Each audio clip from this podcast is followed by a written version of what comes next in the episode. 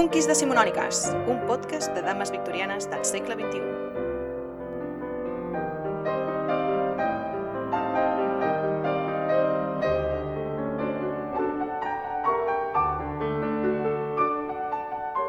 Comença el capítol dedicat a Emily Dickinson.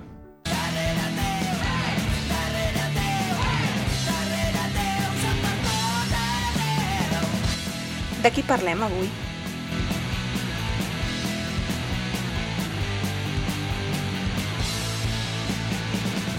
Vale, va, avui parlarem d'Emily Dickinson, una punky decimonònica amb totes les lletres de qui fa temps, molt de temps, que volíem parlar. És el primer cop que parlem de poesia, així que estem una mica cagades.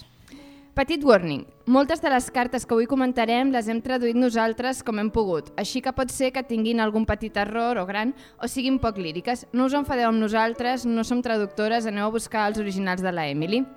D'altres, per sort, estaven recollides a la nova traducció de Dolors Udina, editada per Flaner. També n'hem fet servir algunes de les traduccions de, de Carme Manuel eh, a, dels poemes editats per la institució Alfons el Magnànim al Valencià, que com que són políglotes les entenem totes. Però bueno, anem per feina. Estigueu preparats perquè avui us parlarem d'una de les històries d'amor més tendres i belles del món. Quan vam decidir parlar d'Emily Dickinson no ens vam adonar que coincidia amb el mes de juny, que és el mes de la visibilització LGTBIQ+, veieu el vano de l'orgullosa, um, però estem molt contentes d'aquesta coincidència, realment. Fa uns anys hagués estat molt complicat parlar de la Emily i aquesta primera part de la biografia hagués durat més o menys un minut i mig i haguéssim seguit el que es deia en aquells moments en els entorns acadèmics. Per tant, haguéssim dit... Emily Dickinson, la poeta reclusa i solterona que no va conèixer l'amor. Va viure sempre a casa, els últims anys de la seva vida vestida de blanc, tancada a la seva habitació. Només es comunicava amb la seva família, el seu germà i la dona del seu germà, la Susan, i la seva germana Vinnie.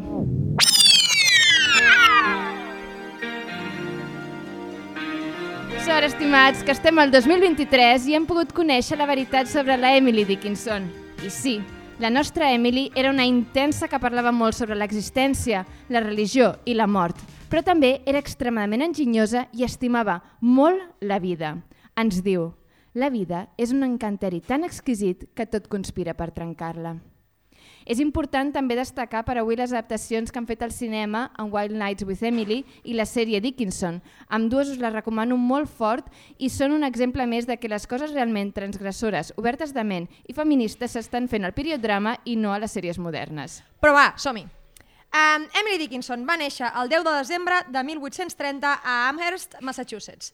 La seva família era descendent de la primera onada d'immigració puritana i eren potser la família més prominent de la ciutat. El seu pare era el tresorer de la ciutat i era molt important a la comunitat, com una mena d'alcalde. La seva mare es va dedicar a cuidar els fills.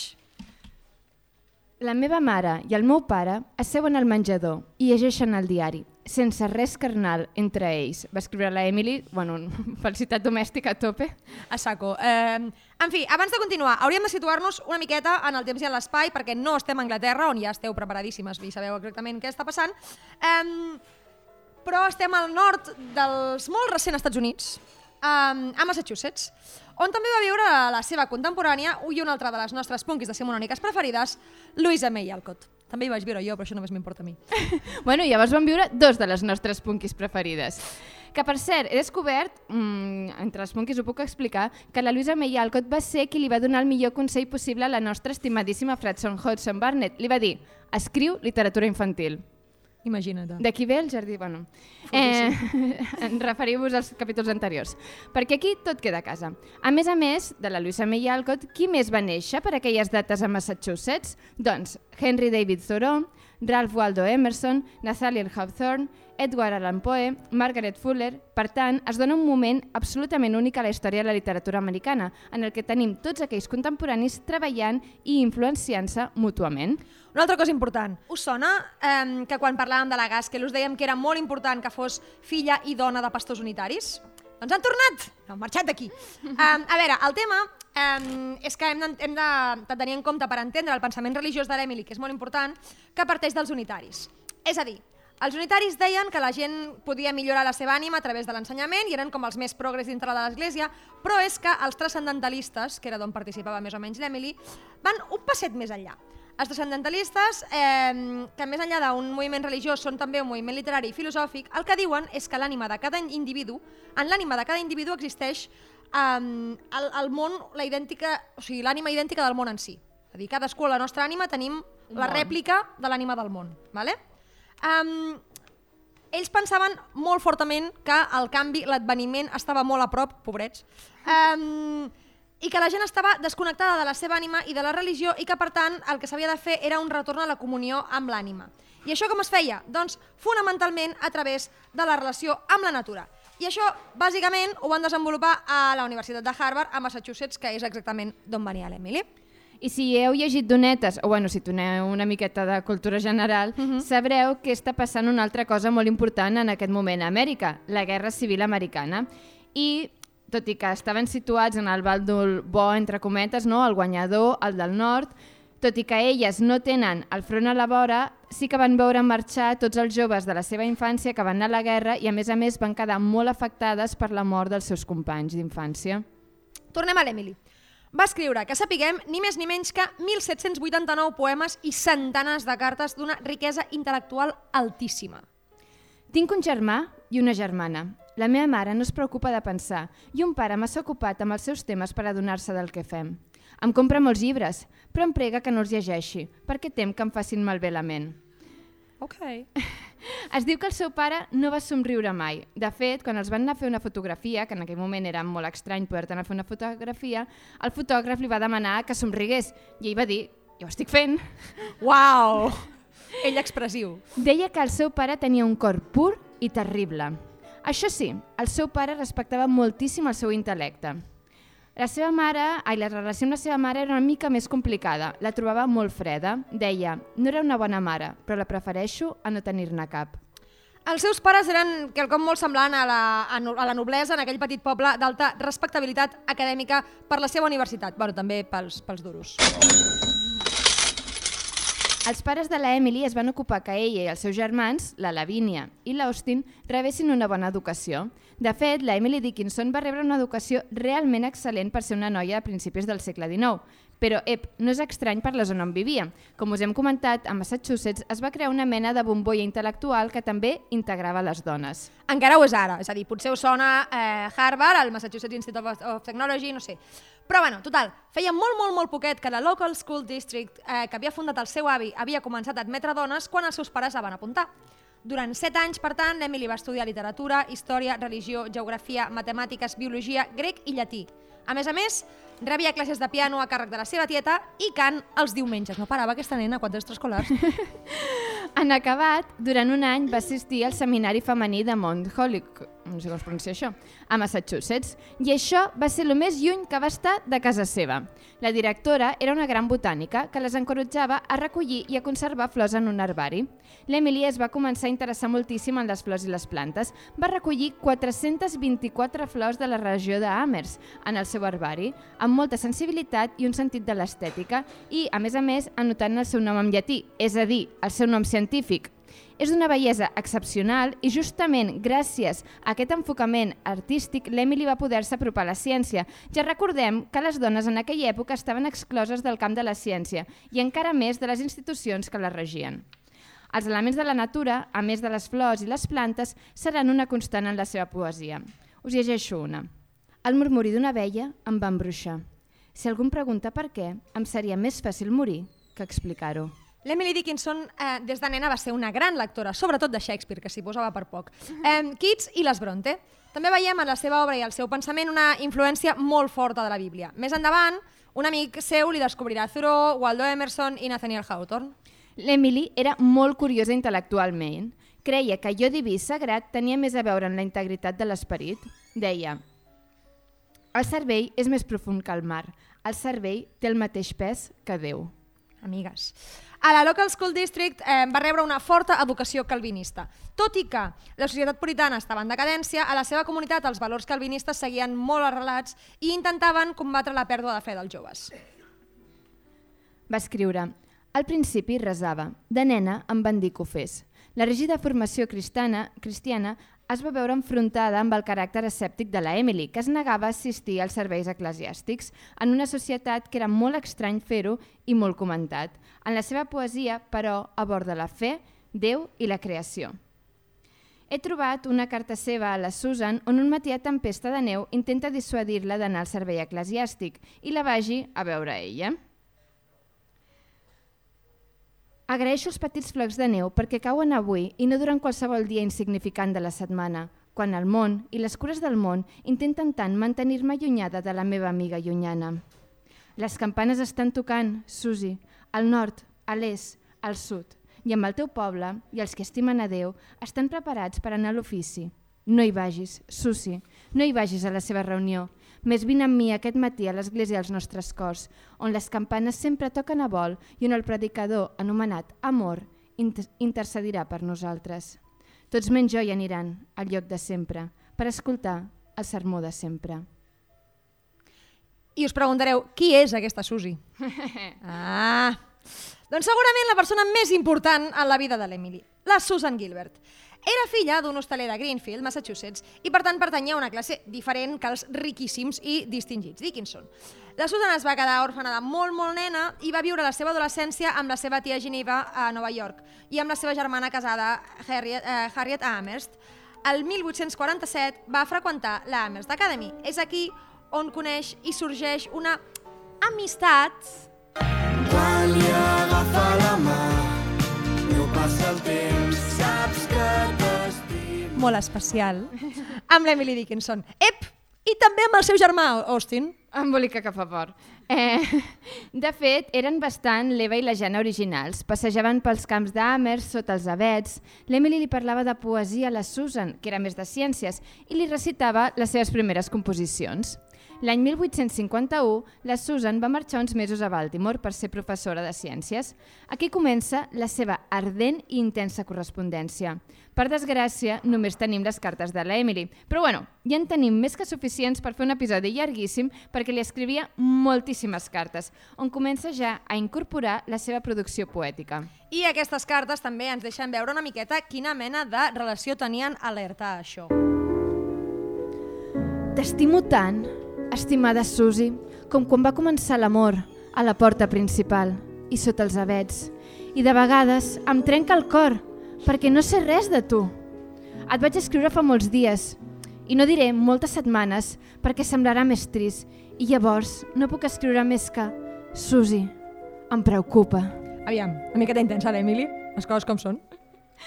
Després de moltes cartes molt llargues i bastant demanding, que us les estalviarem avui, acaba enviant una altra carta absolutament preciosa que diu No facis cas a les meves cartes. Estàs molt ocupada i tens moltes coses a fer.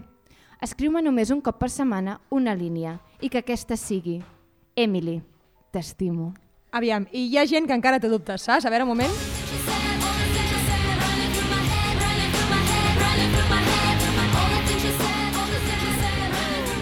Em... Agafa el riure. L'Emily només es va estar un any al seminari. A causa del seu mal estat de salut va haver de tornar a casa. Allí reprèn la seva vida més casolana. Passava molt de temps amb la seva germana Lavínia, a qui tothom anomenava carinyosament Vini, i per tant nosaltres també li direm Sí. Vini, que va ser la seva companya i amiga tota la vida. La Vini adorava la seva germana gran i admirava enormement el seu talent poètic i per això sempre va procurar que es mantingués a casa un ambient calmat perquè que és el que l'Emily necessitava per poder escriure en soledat. O sigui, sóc tan fan de la Vini i ho he dit, ho hem dit tan poc. O sigui, poc, necessitem, ara, necessitem sí. molt que hi hagi gent com la Vini al món perquè els A genis puguin ser genis i les gènies puguin ser gènies. Vale, ja està. Um, a més a més de treballar en el seu hivernacle, observar la natura i desenvolupar el seu talent poètic, l'Emily sortia a comprar, passejava el seu gos que es deia Carlo, que és una cosa que em fa molta gràcia. Um, Si tens un gos que es digui Carlo. Sí, clar, no sé. Um, el meu germà sempre ha dit que si té un gos li dirà Edgar. Bueno, Bueno, jo què sé. Que faci amic de l'Ed. Exacte. Total, eh, i anava a exposicions i funcions benèfiques. També gaudia de diverses eh, amistats, perquè la Susan havia tornat a Amers. I assistia freqüentment a les reunions socials i, de les, i a les festes que se celebraven a la casa veïna, la del seu germà, on es reunia la flor innata intel·lectual de Nord-Amèrica. I qui era l'anfitriona d'aquestes festes? Doncs espero que estigueu ben assegudes perquè aquí ve un plot twist brutal. La Susan es va casar amb l'Austin Dickinson al 1856.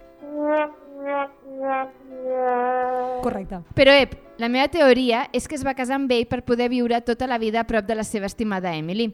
Ningú podia mal pensar de que unes germanes passessin tantes hores juntes, no? Bueno, aviam. Eh, total, que la Susan muntava els salons més guais del món on hi anava tothom qui era algú. I l'Emily, evidentment, es freqüentava. Així tot no va sortir de Massachusetts, ni, ni va anar massa més lluny de la casa veïna, eh, però tot i això l'Emily va conèixer moltíssima gent interessant. A més a més, la Emily escrivia moltíssimes cartes. Es comunicava de manera constant amb l'exterior. Cartes a la majoria intel·lectuals, però també li enviava cartes a la seva amiga, cunyada, veïna i, sobretot, amor de la seva vida, Sue. Estimada Sue, amb l'excepció de Shakespeare, tu m'has aportat més coneixement que, que cap altre ésser viu. Aquesta carta l'ha traduït la Dolors Udina. Una cosa que m'encanta és que signava les cartes a la Susan posant-li Your Own Emily, o sigui, la teva pròpia Emily. No només la teva, o sigui, uau, hot. Eh, una altra, que això sí que ja és més hot, li diu Només pensa-hi, Susi. Les teves petites flors de molsa van obrir els seus llavis i em van parlar. I així ja no estava sola. Vull a veure, no sé, cal que us diguem què són els llavis de molsa? Je.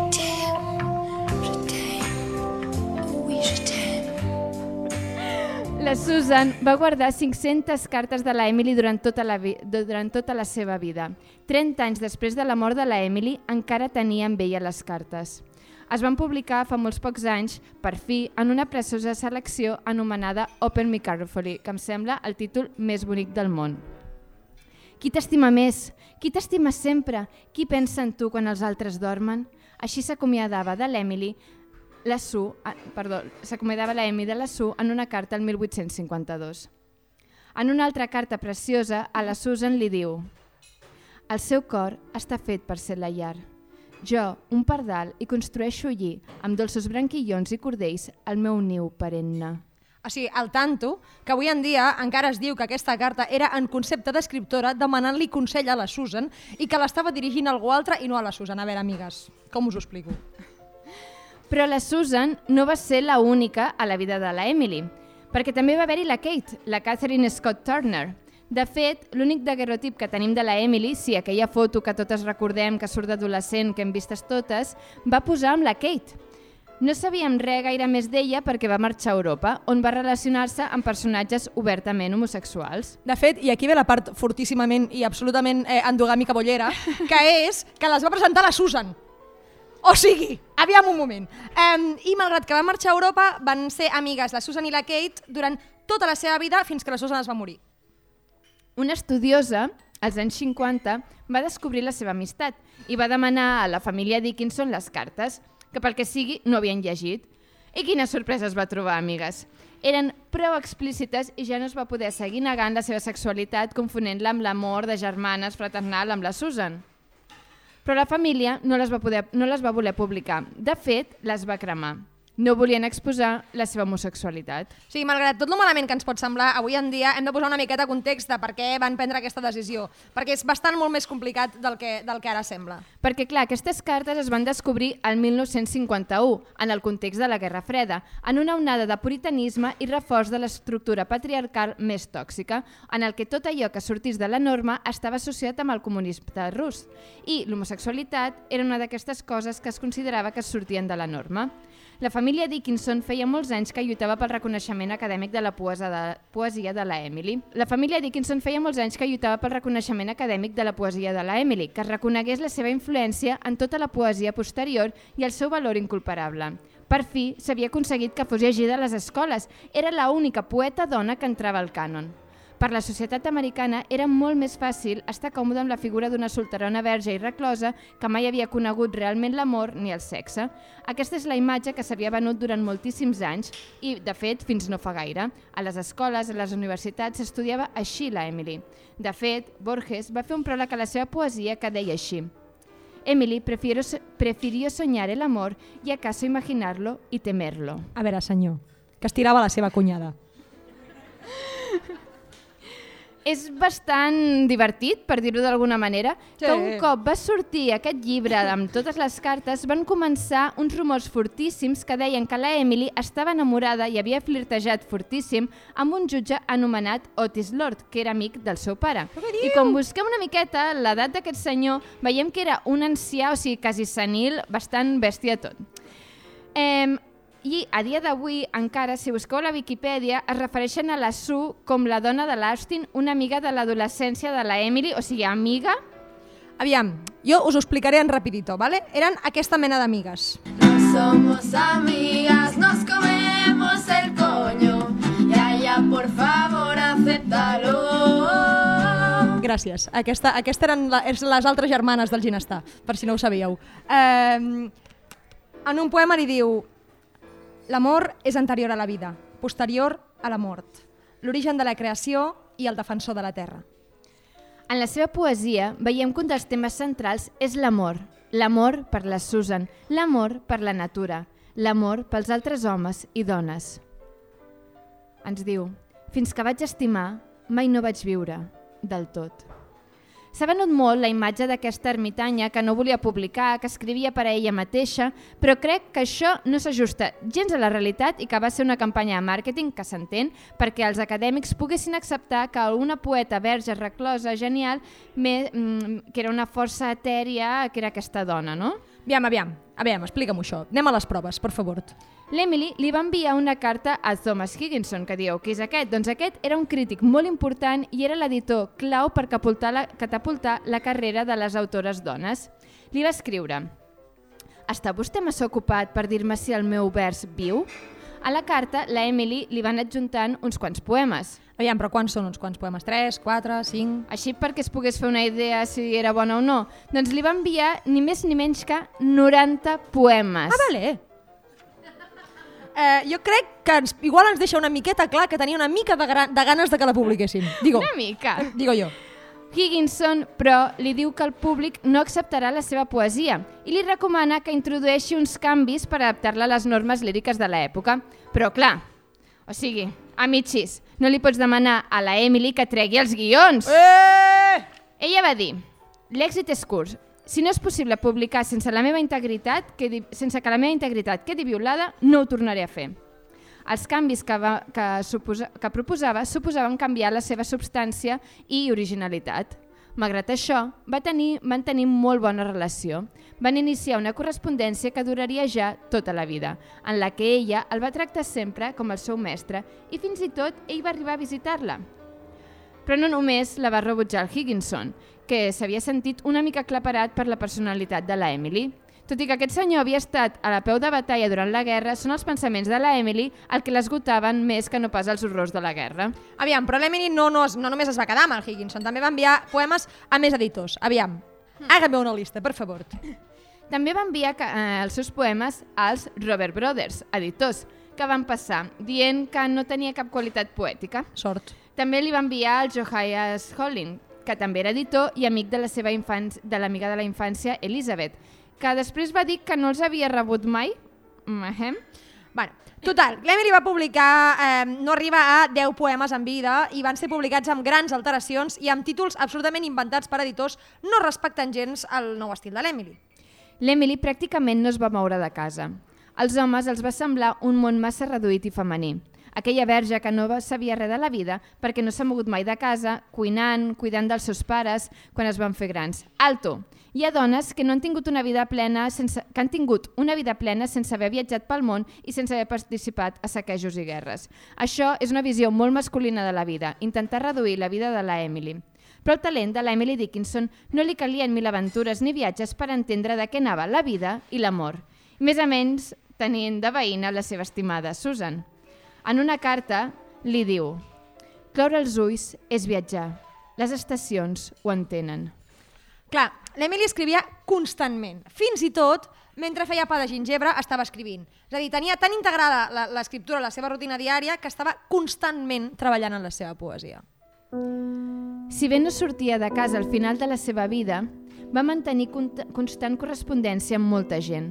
En una carta, el seu amic barra mestre barra detractor Higginson li deia Vostè es va donar que ha vist sola. Per un emigrant, tot país és estèril excepte si és el seu.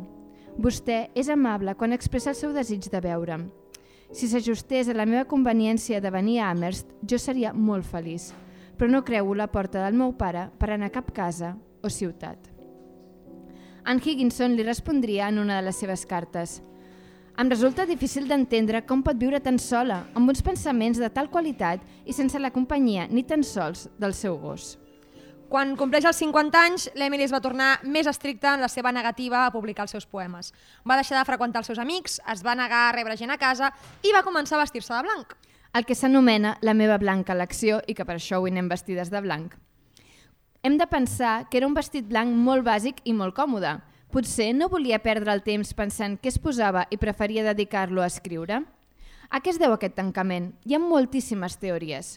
Una aborda que tenia una, greu, una greu malaltia, des de l'agorafòbia a l'epilèpsia, per fer teories.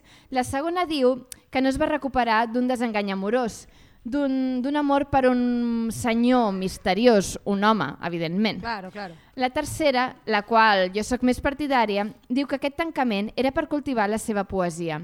Pensem que estem en un moment en què la dona tenia dues opcions, casar-se o fer-se professora. Així que jo crec que ella es va inventar una tercera via. Després, la casa se li va fer gran i va acabar la seva vida tancada a la seva habitació en una reclusió poètica.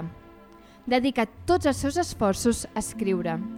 Passa els dies a la seva habitació, recoberta de fusta, decorada amb cortines i llençols blancs, mirant per la finestra o reunint els poemes en petits llibres que va enquadernar a mà, perquè originàriament havia escrit aquests poemes en uns paperets molt petitons amb una lletra molt atapeïda i plena de, de esborranys, que eren bastant, bastant indesxifrables. La mort del seu nebot, el fill de la Sue Austin, la va deixar totalment destrossada. Dos anys més tard va escriure la seva última carta on deia em criden referint-se a la mort. O sigui, es pot ser més explícita demanant pista? Vull dir, La darrera carta que escriuria la Susan em sembla d'una bellesa excepcional. També l'hem traduït nosaltres, o sigui que farem el que podrem. M'has de deixar marxar primer, Su, perquè jo visc al mar sempre i em sé el camí. M'hauria ofegat sense dubtar-ho per salvar-te de que t'enfonsessis, estimada, si només hagués pogut cobrir-te els ulls i així tu no haguessis hagut de veure l'aigua. el 15 de maig de 1886, l'Emily Dickinson ens va deixar amb 55 anys i una obra poètica immensa. La Sue va netejar el cos de la Emily i li va posar un ram de liles a la vora del seu coll. La Susan era l'única que aconseguia que sortís a passejar en els últims anys de reclusió poètica i la venia sempre a cercar amb un ram de flors. I la Sue es va encarregar també d'escriure el seu obituari al diari. La seva estimada germana Lavínia, Vini per nosaltres, intentant complir l'última voluntat de la Emily, que li demanava que cremés tota la seva correspondència, es va trobar amb 40 volums enquadernats a mà de la poesia de la Emily i els voldrà publicar. Cap editor voldrà. Així que la Lavínia va pagar la publicació amb els diners de la seva butxaca. Lavínia asseguraria al biògraf de l'escriptora, George Frisbee Witcher, que la poeta lírica més memorable als Estats Units ha viscut i mort en l'anonimat. El seu primer poemari, per tant, es va publicar 4 anys més tard de la seva mort. Va ser un èxit. 11 edicions en menys de dos anys. Era la seva carta al món. Vale. Hem de parlar de qui va ser la seva editora pòstuma. Va ser la Mabel Lovistod, que era... O sigui, alerta, amigues, una miqueta que l'embolica que fa fort, vale? Prepareu-vos. Perquè la Mabel era l'amant de l'Austin Dickinson, és a dir, del germà de la Emily. O sigui,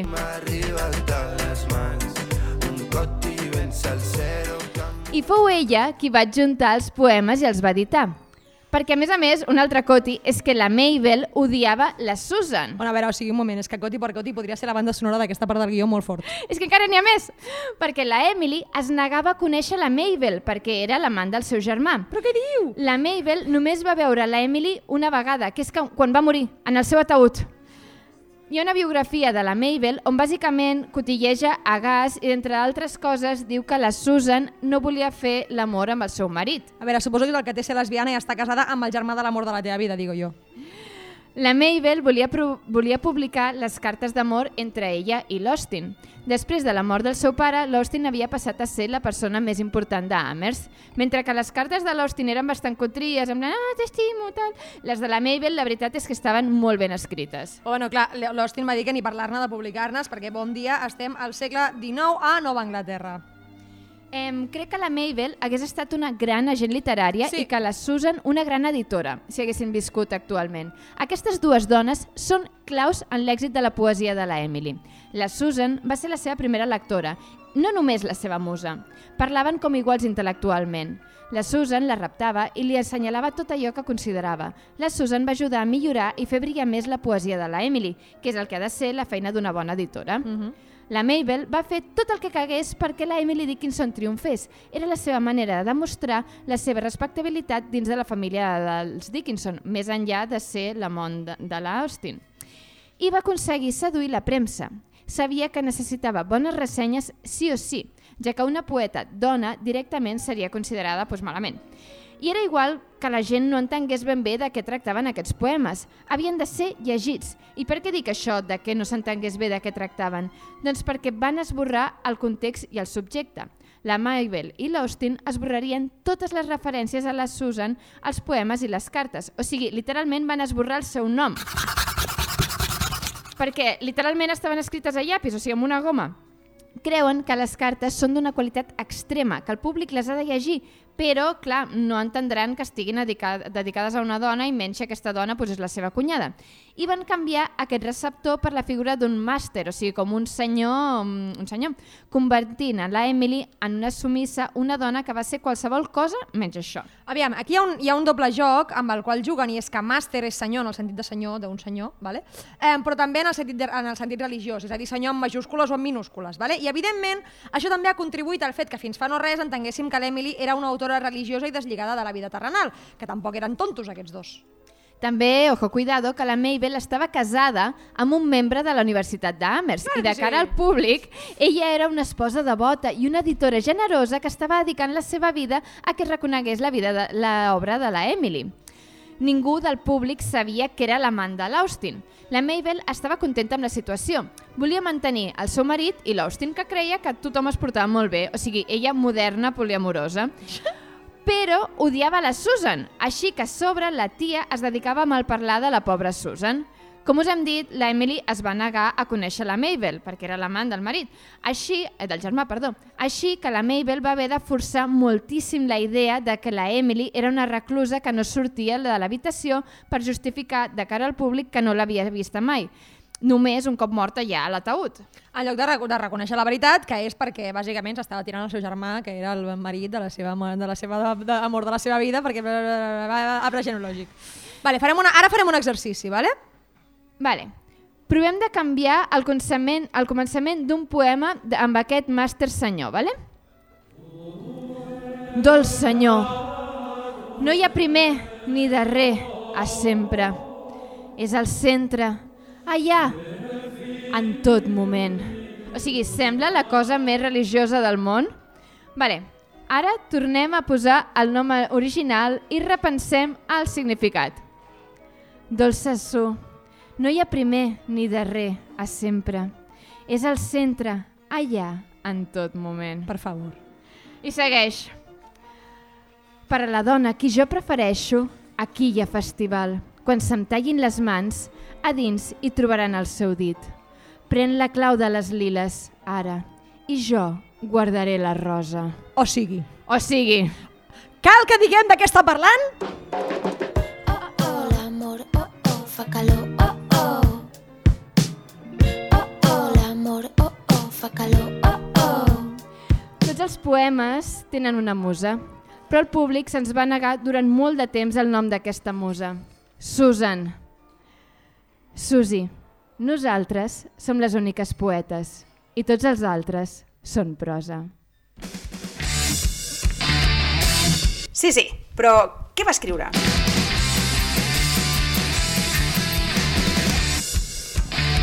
Aviam, que us hem anat intercalant poesia d'aquesta dona, però no hem parlat amb ordre de lo que serien els seus textos. No queda molt, eh? no patiu.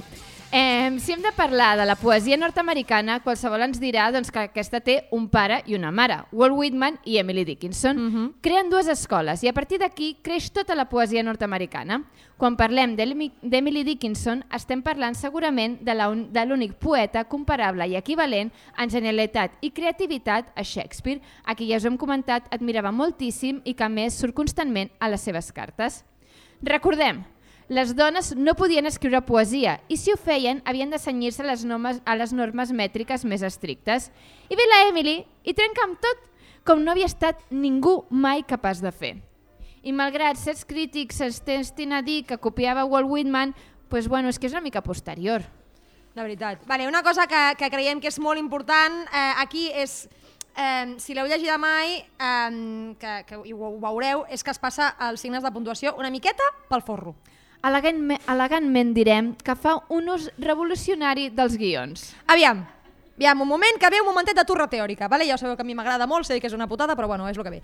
Eh, en català, els guionets que fem servir per unir paraules com jo que sé, 23, es diuen guionets, però en anglès es diuen hypens, vale? Eh, en canvi, els guions que fem servir com a signes de puntuació, que en català anomenem guions, en anglès es diuen dash. I n'hi ha de dos tipus, els M i els N i el seu nom ve de la llargada que corresponia a les lletres M i N en una màquina d'escriure. Em seguiu? Vale. El tema eh, amb els guions és que bàsicament els podem fer servir per substituir qualsevol signe de puntuació. Qualsevol. Vale? En molts casos, un guió representa una pausa. És a dir, força el lector a aturar-se en un moment, però vincula la frase o el concepte anterior amb el següent. En altres casos, el guió és una manera de connectar dos conceptes en una mateixa línia. Però si ens hi fixem, gràficament, Blanca, la propera necessito una pissarra, eh, el que està fent el guió en realitat és generar-nos un espai en blanc entre dos conceptes, cosa que és una miqueta paradoxal, però en realitat és com si estigués creant un pont sí? entre dues paraules. En altres ocasions es fa servir per substituir els dos punts i sovint i probablement eh, així és com el feu servir vosaltres, si és que el feu servir, en lloc dels parèntesis. Sí? I per últim, també pot servir per indicar-nos una interrupció en el pensament o en el discurs. Ho he explicat molt bé, que és molt difícil i hi ha gent que fa una, una, una assignatura llarguíssima i nosaltres ho hem entès molt ràpid. Molt bé, Carlota. Gràcies. Tornem a l'Emily, perquè si us pensàveu que ara us explicaria com el feia servir ella, esteu molt equivocades, amigues. Perquè bàsicament l'Emily el feia servir de moltes maneres diferents en la seva poesia. El que sí que us puc explicar és que els, primer, els seus primers editors es van dedicar a interpretar l'ús dels guions una miqueta al seu estil. I en alguns casos, de fet en molts, el van substituir per dos punts i punts i coma perquè no els hi semblaven els guions ni bonics ni entenedors. Per al·lusions, ho sento. No, el que passa és que, per, per sort, la majoria dels editors contemporanis no els hi passa pel cap aitar l'aberració. Vale? El que sí que hem perdut necessàriament és la manera visual que tenia ella de marcar els guions als seus poemes, perquè no només jugava amb el guió M i el guió N, sinó que jugava també amb les inclinacions, la pressió del llapis i els feia servir gairebé com si fossin una mena de poema visual abans dels avantguardistes. Els estudiosos de Dickinson creuen que una de les possibilitats més probables és que fes servir els guions per indicar com s'havien de llegir, incloses, amb les inclinacions i la pressió, les entonacions com les marcava els manuscrits, pausa acabant l'anterior amunt o acabant l'avall o el volum amb la pressió, perquè en realitat els seus manuscrits són com una partitura. També és molt important destacar l'ús de les majúscules de la Emily. Em va recordar moltíssim l'alemany, on els noms sempre van en majúscula. Si veieu els poemes de la Emily, veureu, veureu que hi ha paraules que estan en majúscules, però que tenen tot el sentit del món, no estan fetes a l'atzar. L'Emily experimenta les possibilitats que li dona la poesia. Aviam, això va ser un motiu de controvèrsia durant una temporada bastant llarga perquè, malgrat que se sabia que havia estat educada de manera formal, és a dir, que havia anat a l'escola, um, es va arribar a dir que feia servir les majúscules com li sortia del papo perquè era una illetrada. Ai, Mira, perdona. En realitat, tant les majúscules com els guions eren coses que estaven acceptades en la gramàtica William Harvey Wells Grammar of the English Language, que és el llibre amb el qual l'Emily va preparar l'accés a la seva educació formal vale? i amb el qual va, va estudiar els anys els que va, amb els que va estar estudiant seriosament, però que se sàpiga cap de les seves companyes de classe que van fer servir els mateixos llibres o, cap, o ningú més de la gent de la seva època, diguem-ne, va basar la seva escriptura i la seva poesia en això. En aquest sentit, val a dir que el, el seu col·lega, el Higginson, que n'hem parlat abans, en una ocasió li va dir que era una escriptora descontrolada i ella li va respondre una miqueta rotllo, eh, rotllo Bartleby l'escrivent, preferia diferir. El que, el que sí que està clar és que els crítics han dit eh, durant els darrers anys que, que gran part del seu ús de la puntuació tenia a veure sobretot amb el seu sentit de la teatralitat. I és que molts descriuen els seus poemes com si fossin també endevinalles o jocs on ella no només guia els lectors en el text, sinó en el contingut. És que era una titellaire, La ella. millor. Vaya jefa. Una altra de les coses que també ens ha deixat absolutament meravellades és l'ús que fa de les metàfores naturals al seu poema. Una cosa important és que si ens posem a analitzar la poesia popular feta per dones, en què en molts llocs del món s'ha fet a través de cançons, ens trobarem que molt sovint la poesia té molta part de relació amb la natura, perquè són els referents que les dones tenen a mà. De fet, hi ha una part de la- de l'eròtica, de la poesia de la Dickinson, que a mi em recorda els poemes del suïcidi i el cant, la, la poesia afganesa que moltes de vosaltres heu sentit gràcies a Tartarralena. Escolteu això. jardí del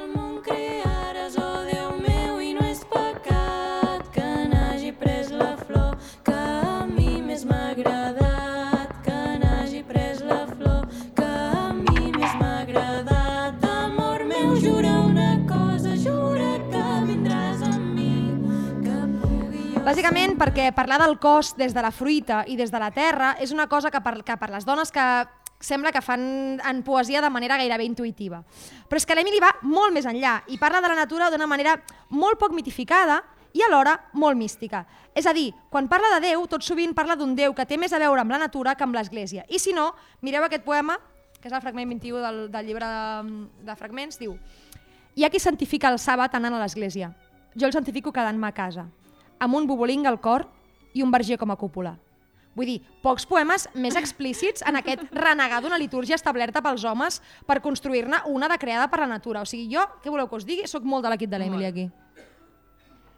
El que, el que és important és tenir en compte que per molt que ella tingués una mena d'obsessió amb la natura i que la venerés de manera gairebé religiosa, no es creia una entesa en la matèria. I, de fet, defensava que, igual que els homes no podrien entendre mai Déu, tampoc no podrien entendre la natura, perquè els humans tenim una imaginació limitada i aquestes dues forces són inabastables. De fet, el poema 1400 se'n fot dels qui diuen conèixer la natura dient que... La buidor de les coses terrenals és la tornada que canta la natura i llavors fa valer el seu delit fins que, les sinodi... fins que els sinodes es desordenen. Com volent dir que els homes que diuen que ho han entès només han d'esperar que la natura els sorprengui tan bon punt la tinguin apamada. En realitat, i partint de la premissa que el que ella santifica de la, la natura, eh, és normal que la prengui com a mesura de totes les coses. És a dir, que ens explica constantment que la natura és una mena d'espai d'eternitat, perquè no para d'ensenyar-nos el cicle de la vida,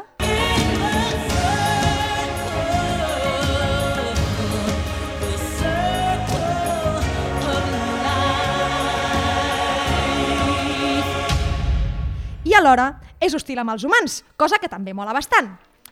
En aquest sentit, ella estava bastant enamorada de la primavera,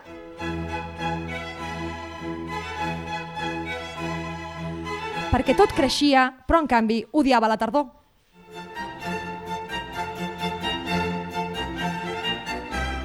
Persephone maig? Què és poesia? L'Emily deia una carta al seu amic mentor Higgins. Si llegeixo un llibre i em refreda el cos de tan fred que cap foc no pot escalfar-me, sé que això és poesia. Si em sento físicament com si m'haguessin fet volar el cap, sé que això és poesia. Aquestes són les úniques maneres de saber-ho. No n'hi ha cap altra. O sigui, era una mica intensa, eh? Olin, amiga. En un altre poema, també traduït per la Dolors Ordina, diu Això era un poeta. És aquell que destila un sentit sorprenent de significats ordinaris. Una cosa que, que ens ha gustat molt, molt, molt, molt a l'hora de preparar aquest episodi ha estat no convertir-lo en una classe de poesia victoriana. ¿vale? Per tant, si us sembla, farem una cosa. Ara us comentarem una unitat de poema d'una manera una mica acadèmica i després us comentarem alguns fragments que ens han agradat nosaltres una miqueta més al nostre estil. ¿vale?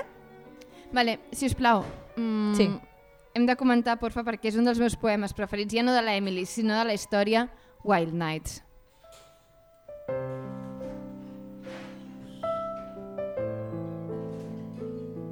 Wild nights, wild nights. Were I with thee, wild nights should be our luxury. Futile the winds to a heart in port. Done with the compass, done with the chart. Rowing in Eden, ah, the sea. Might I but moor tonight in thee. Vale, aviam. De Wild Nights en tenim una traducció en valencià de la Carme Manuel, que sona així, no ho llegiré també com, aquesta, com aquest àudio preciós que acabo de sentir, que diu Nits de tempesta, nits de tempesta. Si jo amb tu fora, nits de tempesta serien el nostre goig. Fútils els vents, per a un cor al port, sobrer de brúixola, sobrer de mapa, bugant al paradís. Ah, la mar, si poguera tan sols aquesta nit tu. Aviam. Uh! Alerta, eh? Venteu-vos una mica, per favor, que val la pena. Jo diria, m'atreviria a jurar, que és un poema d'amor, però si en fem una anàlisi formal, vale, us hauria de dir que això és un poema fet de tres quartets on el tema principal és la passió i sense un patró de rima establert. En realitat, l'única estrofa que té un patró de rima és la primera, que té un patró A, B, B, B, i la resta són bastant rima lliure, que el que en realitat fa en aquestes altres estrofes és troncar els versos, així que provoca un patró rítmic, que és el que feia aquesta bona senyora normalment, ho podeu analitzar amb la resta de poemes quan els llegiu. Pel que fa al tema, podríem dir que és un poema d'amor entre la veu poètica i la seva amant, però també s'ha interpretat durant anys com un poema religiós, un poema d'amor a la divinitat, jo no ho veig, però ok. Uh, el que ens mostra en la segona i la tercera estrofa és una separació entre la veu poètica i l'amant que es busca trencar malgrat que no es veu una solució fàcil ni còmoda. Clar, aviam, aquí fa servir coses com la repetició de nits de tempesta, que li dona èmfasi al text, però també fa servir com un munt de metàfores marineres que en realitat no són banals ni estranyes, tenint en compte que ella provenia d'un estat que té mar. És important tenir en compte que per molt bona que sigui la traducció aquesta al valencià de Wild Nights, el poema es diu Wild Nights, és a dir, nits salvatges. I clar, això, llegit avui en dia, ens fa pensar molt més en una nit de passió salvatge, música de Barry White, per favor,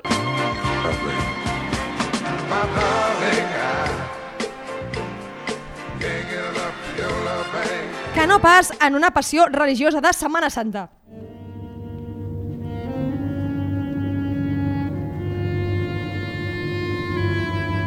No sé si m'explico. S'ha entès? Crec que sí. Vale, que estupendo. Així com en el darrer goig, en el darrer, en el darrer goig, sí, home, sí, en el darrer vers que parla de goig, que podríem entendre'l com a alegria i com un orgasme, per exemple, en anglès eh, diu luxury, que pot ser luxúria i luxe. O sigui, el que sí que és superimportant és que llegim els darrers versos com un desig, com una promesa vers l'ésser estimat, sigui com sigui, amb qui clarament no està físicament en aquest moment, però amb qui voldria estar. És una puta animalada de poema, això, amigues. Vull dir, de veritat, és molt fort. I com a extra, vols que comentem un poemet més? Per favor. Diu, una paraula mor un cop dita, diuen alguns. Jo dic que just comença a viure aquell dia. Hòstia, o sigui, em sembla que hi ha pocs cants tan bèsties a la literatura com una cosa viva, perquè és supervitalista en realitat aquest poema i és molt postmodern, perquè en realitat el que està dient és que la paraula dins del cap no té cap valor fins no ser dita. Per tant, que els poemes prenen vida quan es reciten, per tant, quan arriben al receptor, quan arriben al lector. O sigui, això també fo- reforça molt aquella, aquella idea que hem comentat abans, que ella feia servir els guions per indicar com s'havien de recitar els seus poemes. O sigui, és que em sembla un manifest de la seva manera d'entendre la literatura. Absolutament d'acord.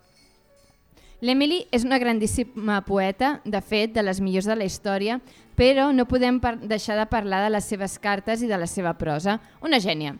Si bé en català no tenim l'edició d'Open Me Carefully, amb les cartes de la Emily i la Susan, Flaner ha tingut a de publicar una setmana abans unes, unes quantes d'aquest programa unes quantes cartes a fragments amb una traducció deliciosa de Dolors Udina i ens agradaria llegir-vos alguns fragments que em semblen absolutament divins.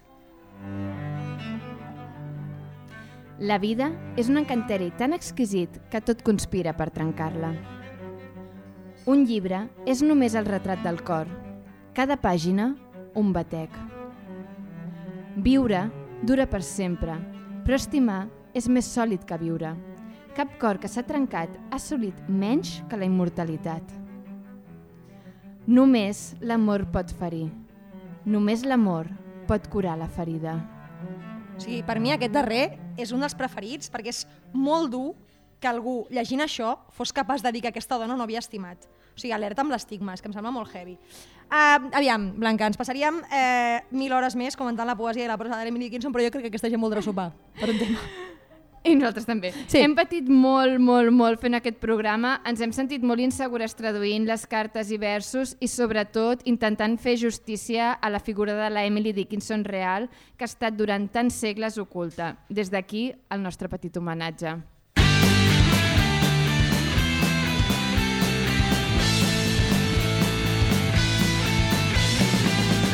Què hem après avui?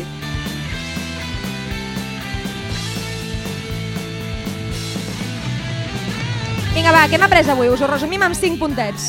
Punt número 1, que la Emily Dickinson és una de les poetes més importants de la història, de les poques autores que ha pogut entrar al cànon universal malgrat ser dona. Punt número 2, que Emily Dickinson va ser una autora lesbiana que aniria tocant reivindicar com a tal. Menys senyors i més su. Punt número 3, que la seva família va haver de, de tapar una part de la seva vida privada perquè la reconeguessin com a autora i se la llegís a l'acadèmia. Punt número 4, que els seus temes principals eren l'amor a la Susan, la natura i la religió, que podien ser la mateixa cosa. Punt número 5, que va fer servir els signes de puntuació i els guions com si fos una partitura, perquè ella, la poesia, s'havia de recitar. Bueno, nens, això ja està. Això ja està. Quina il·lusió, quina alegria,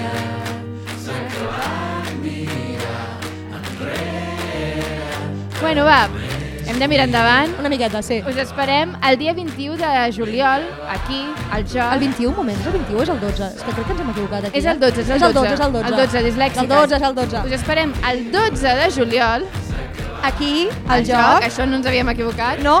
Um, I ho farem per parlar de Sanditon, de, de Jane Austen, Per tant, el dress code no podria ser cap altre.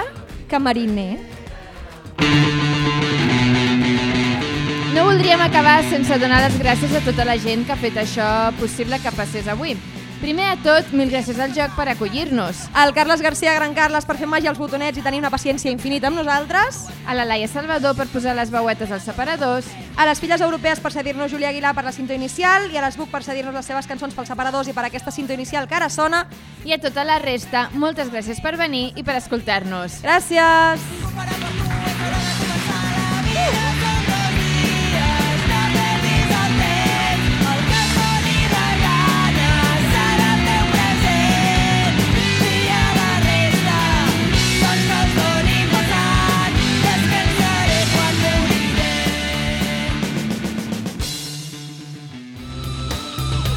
Estàs escoltant un podcast produït per Joc Barcelona. Ens trobaràs al carrer Mallorca 275, restaurant, cocteleria i factoria cultural.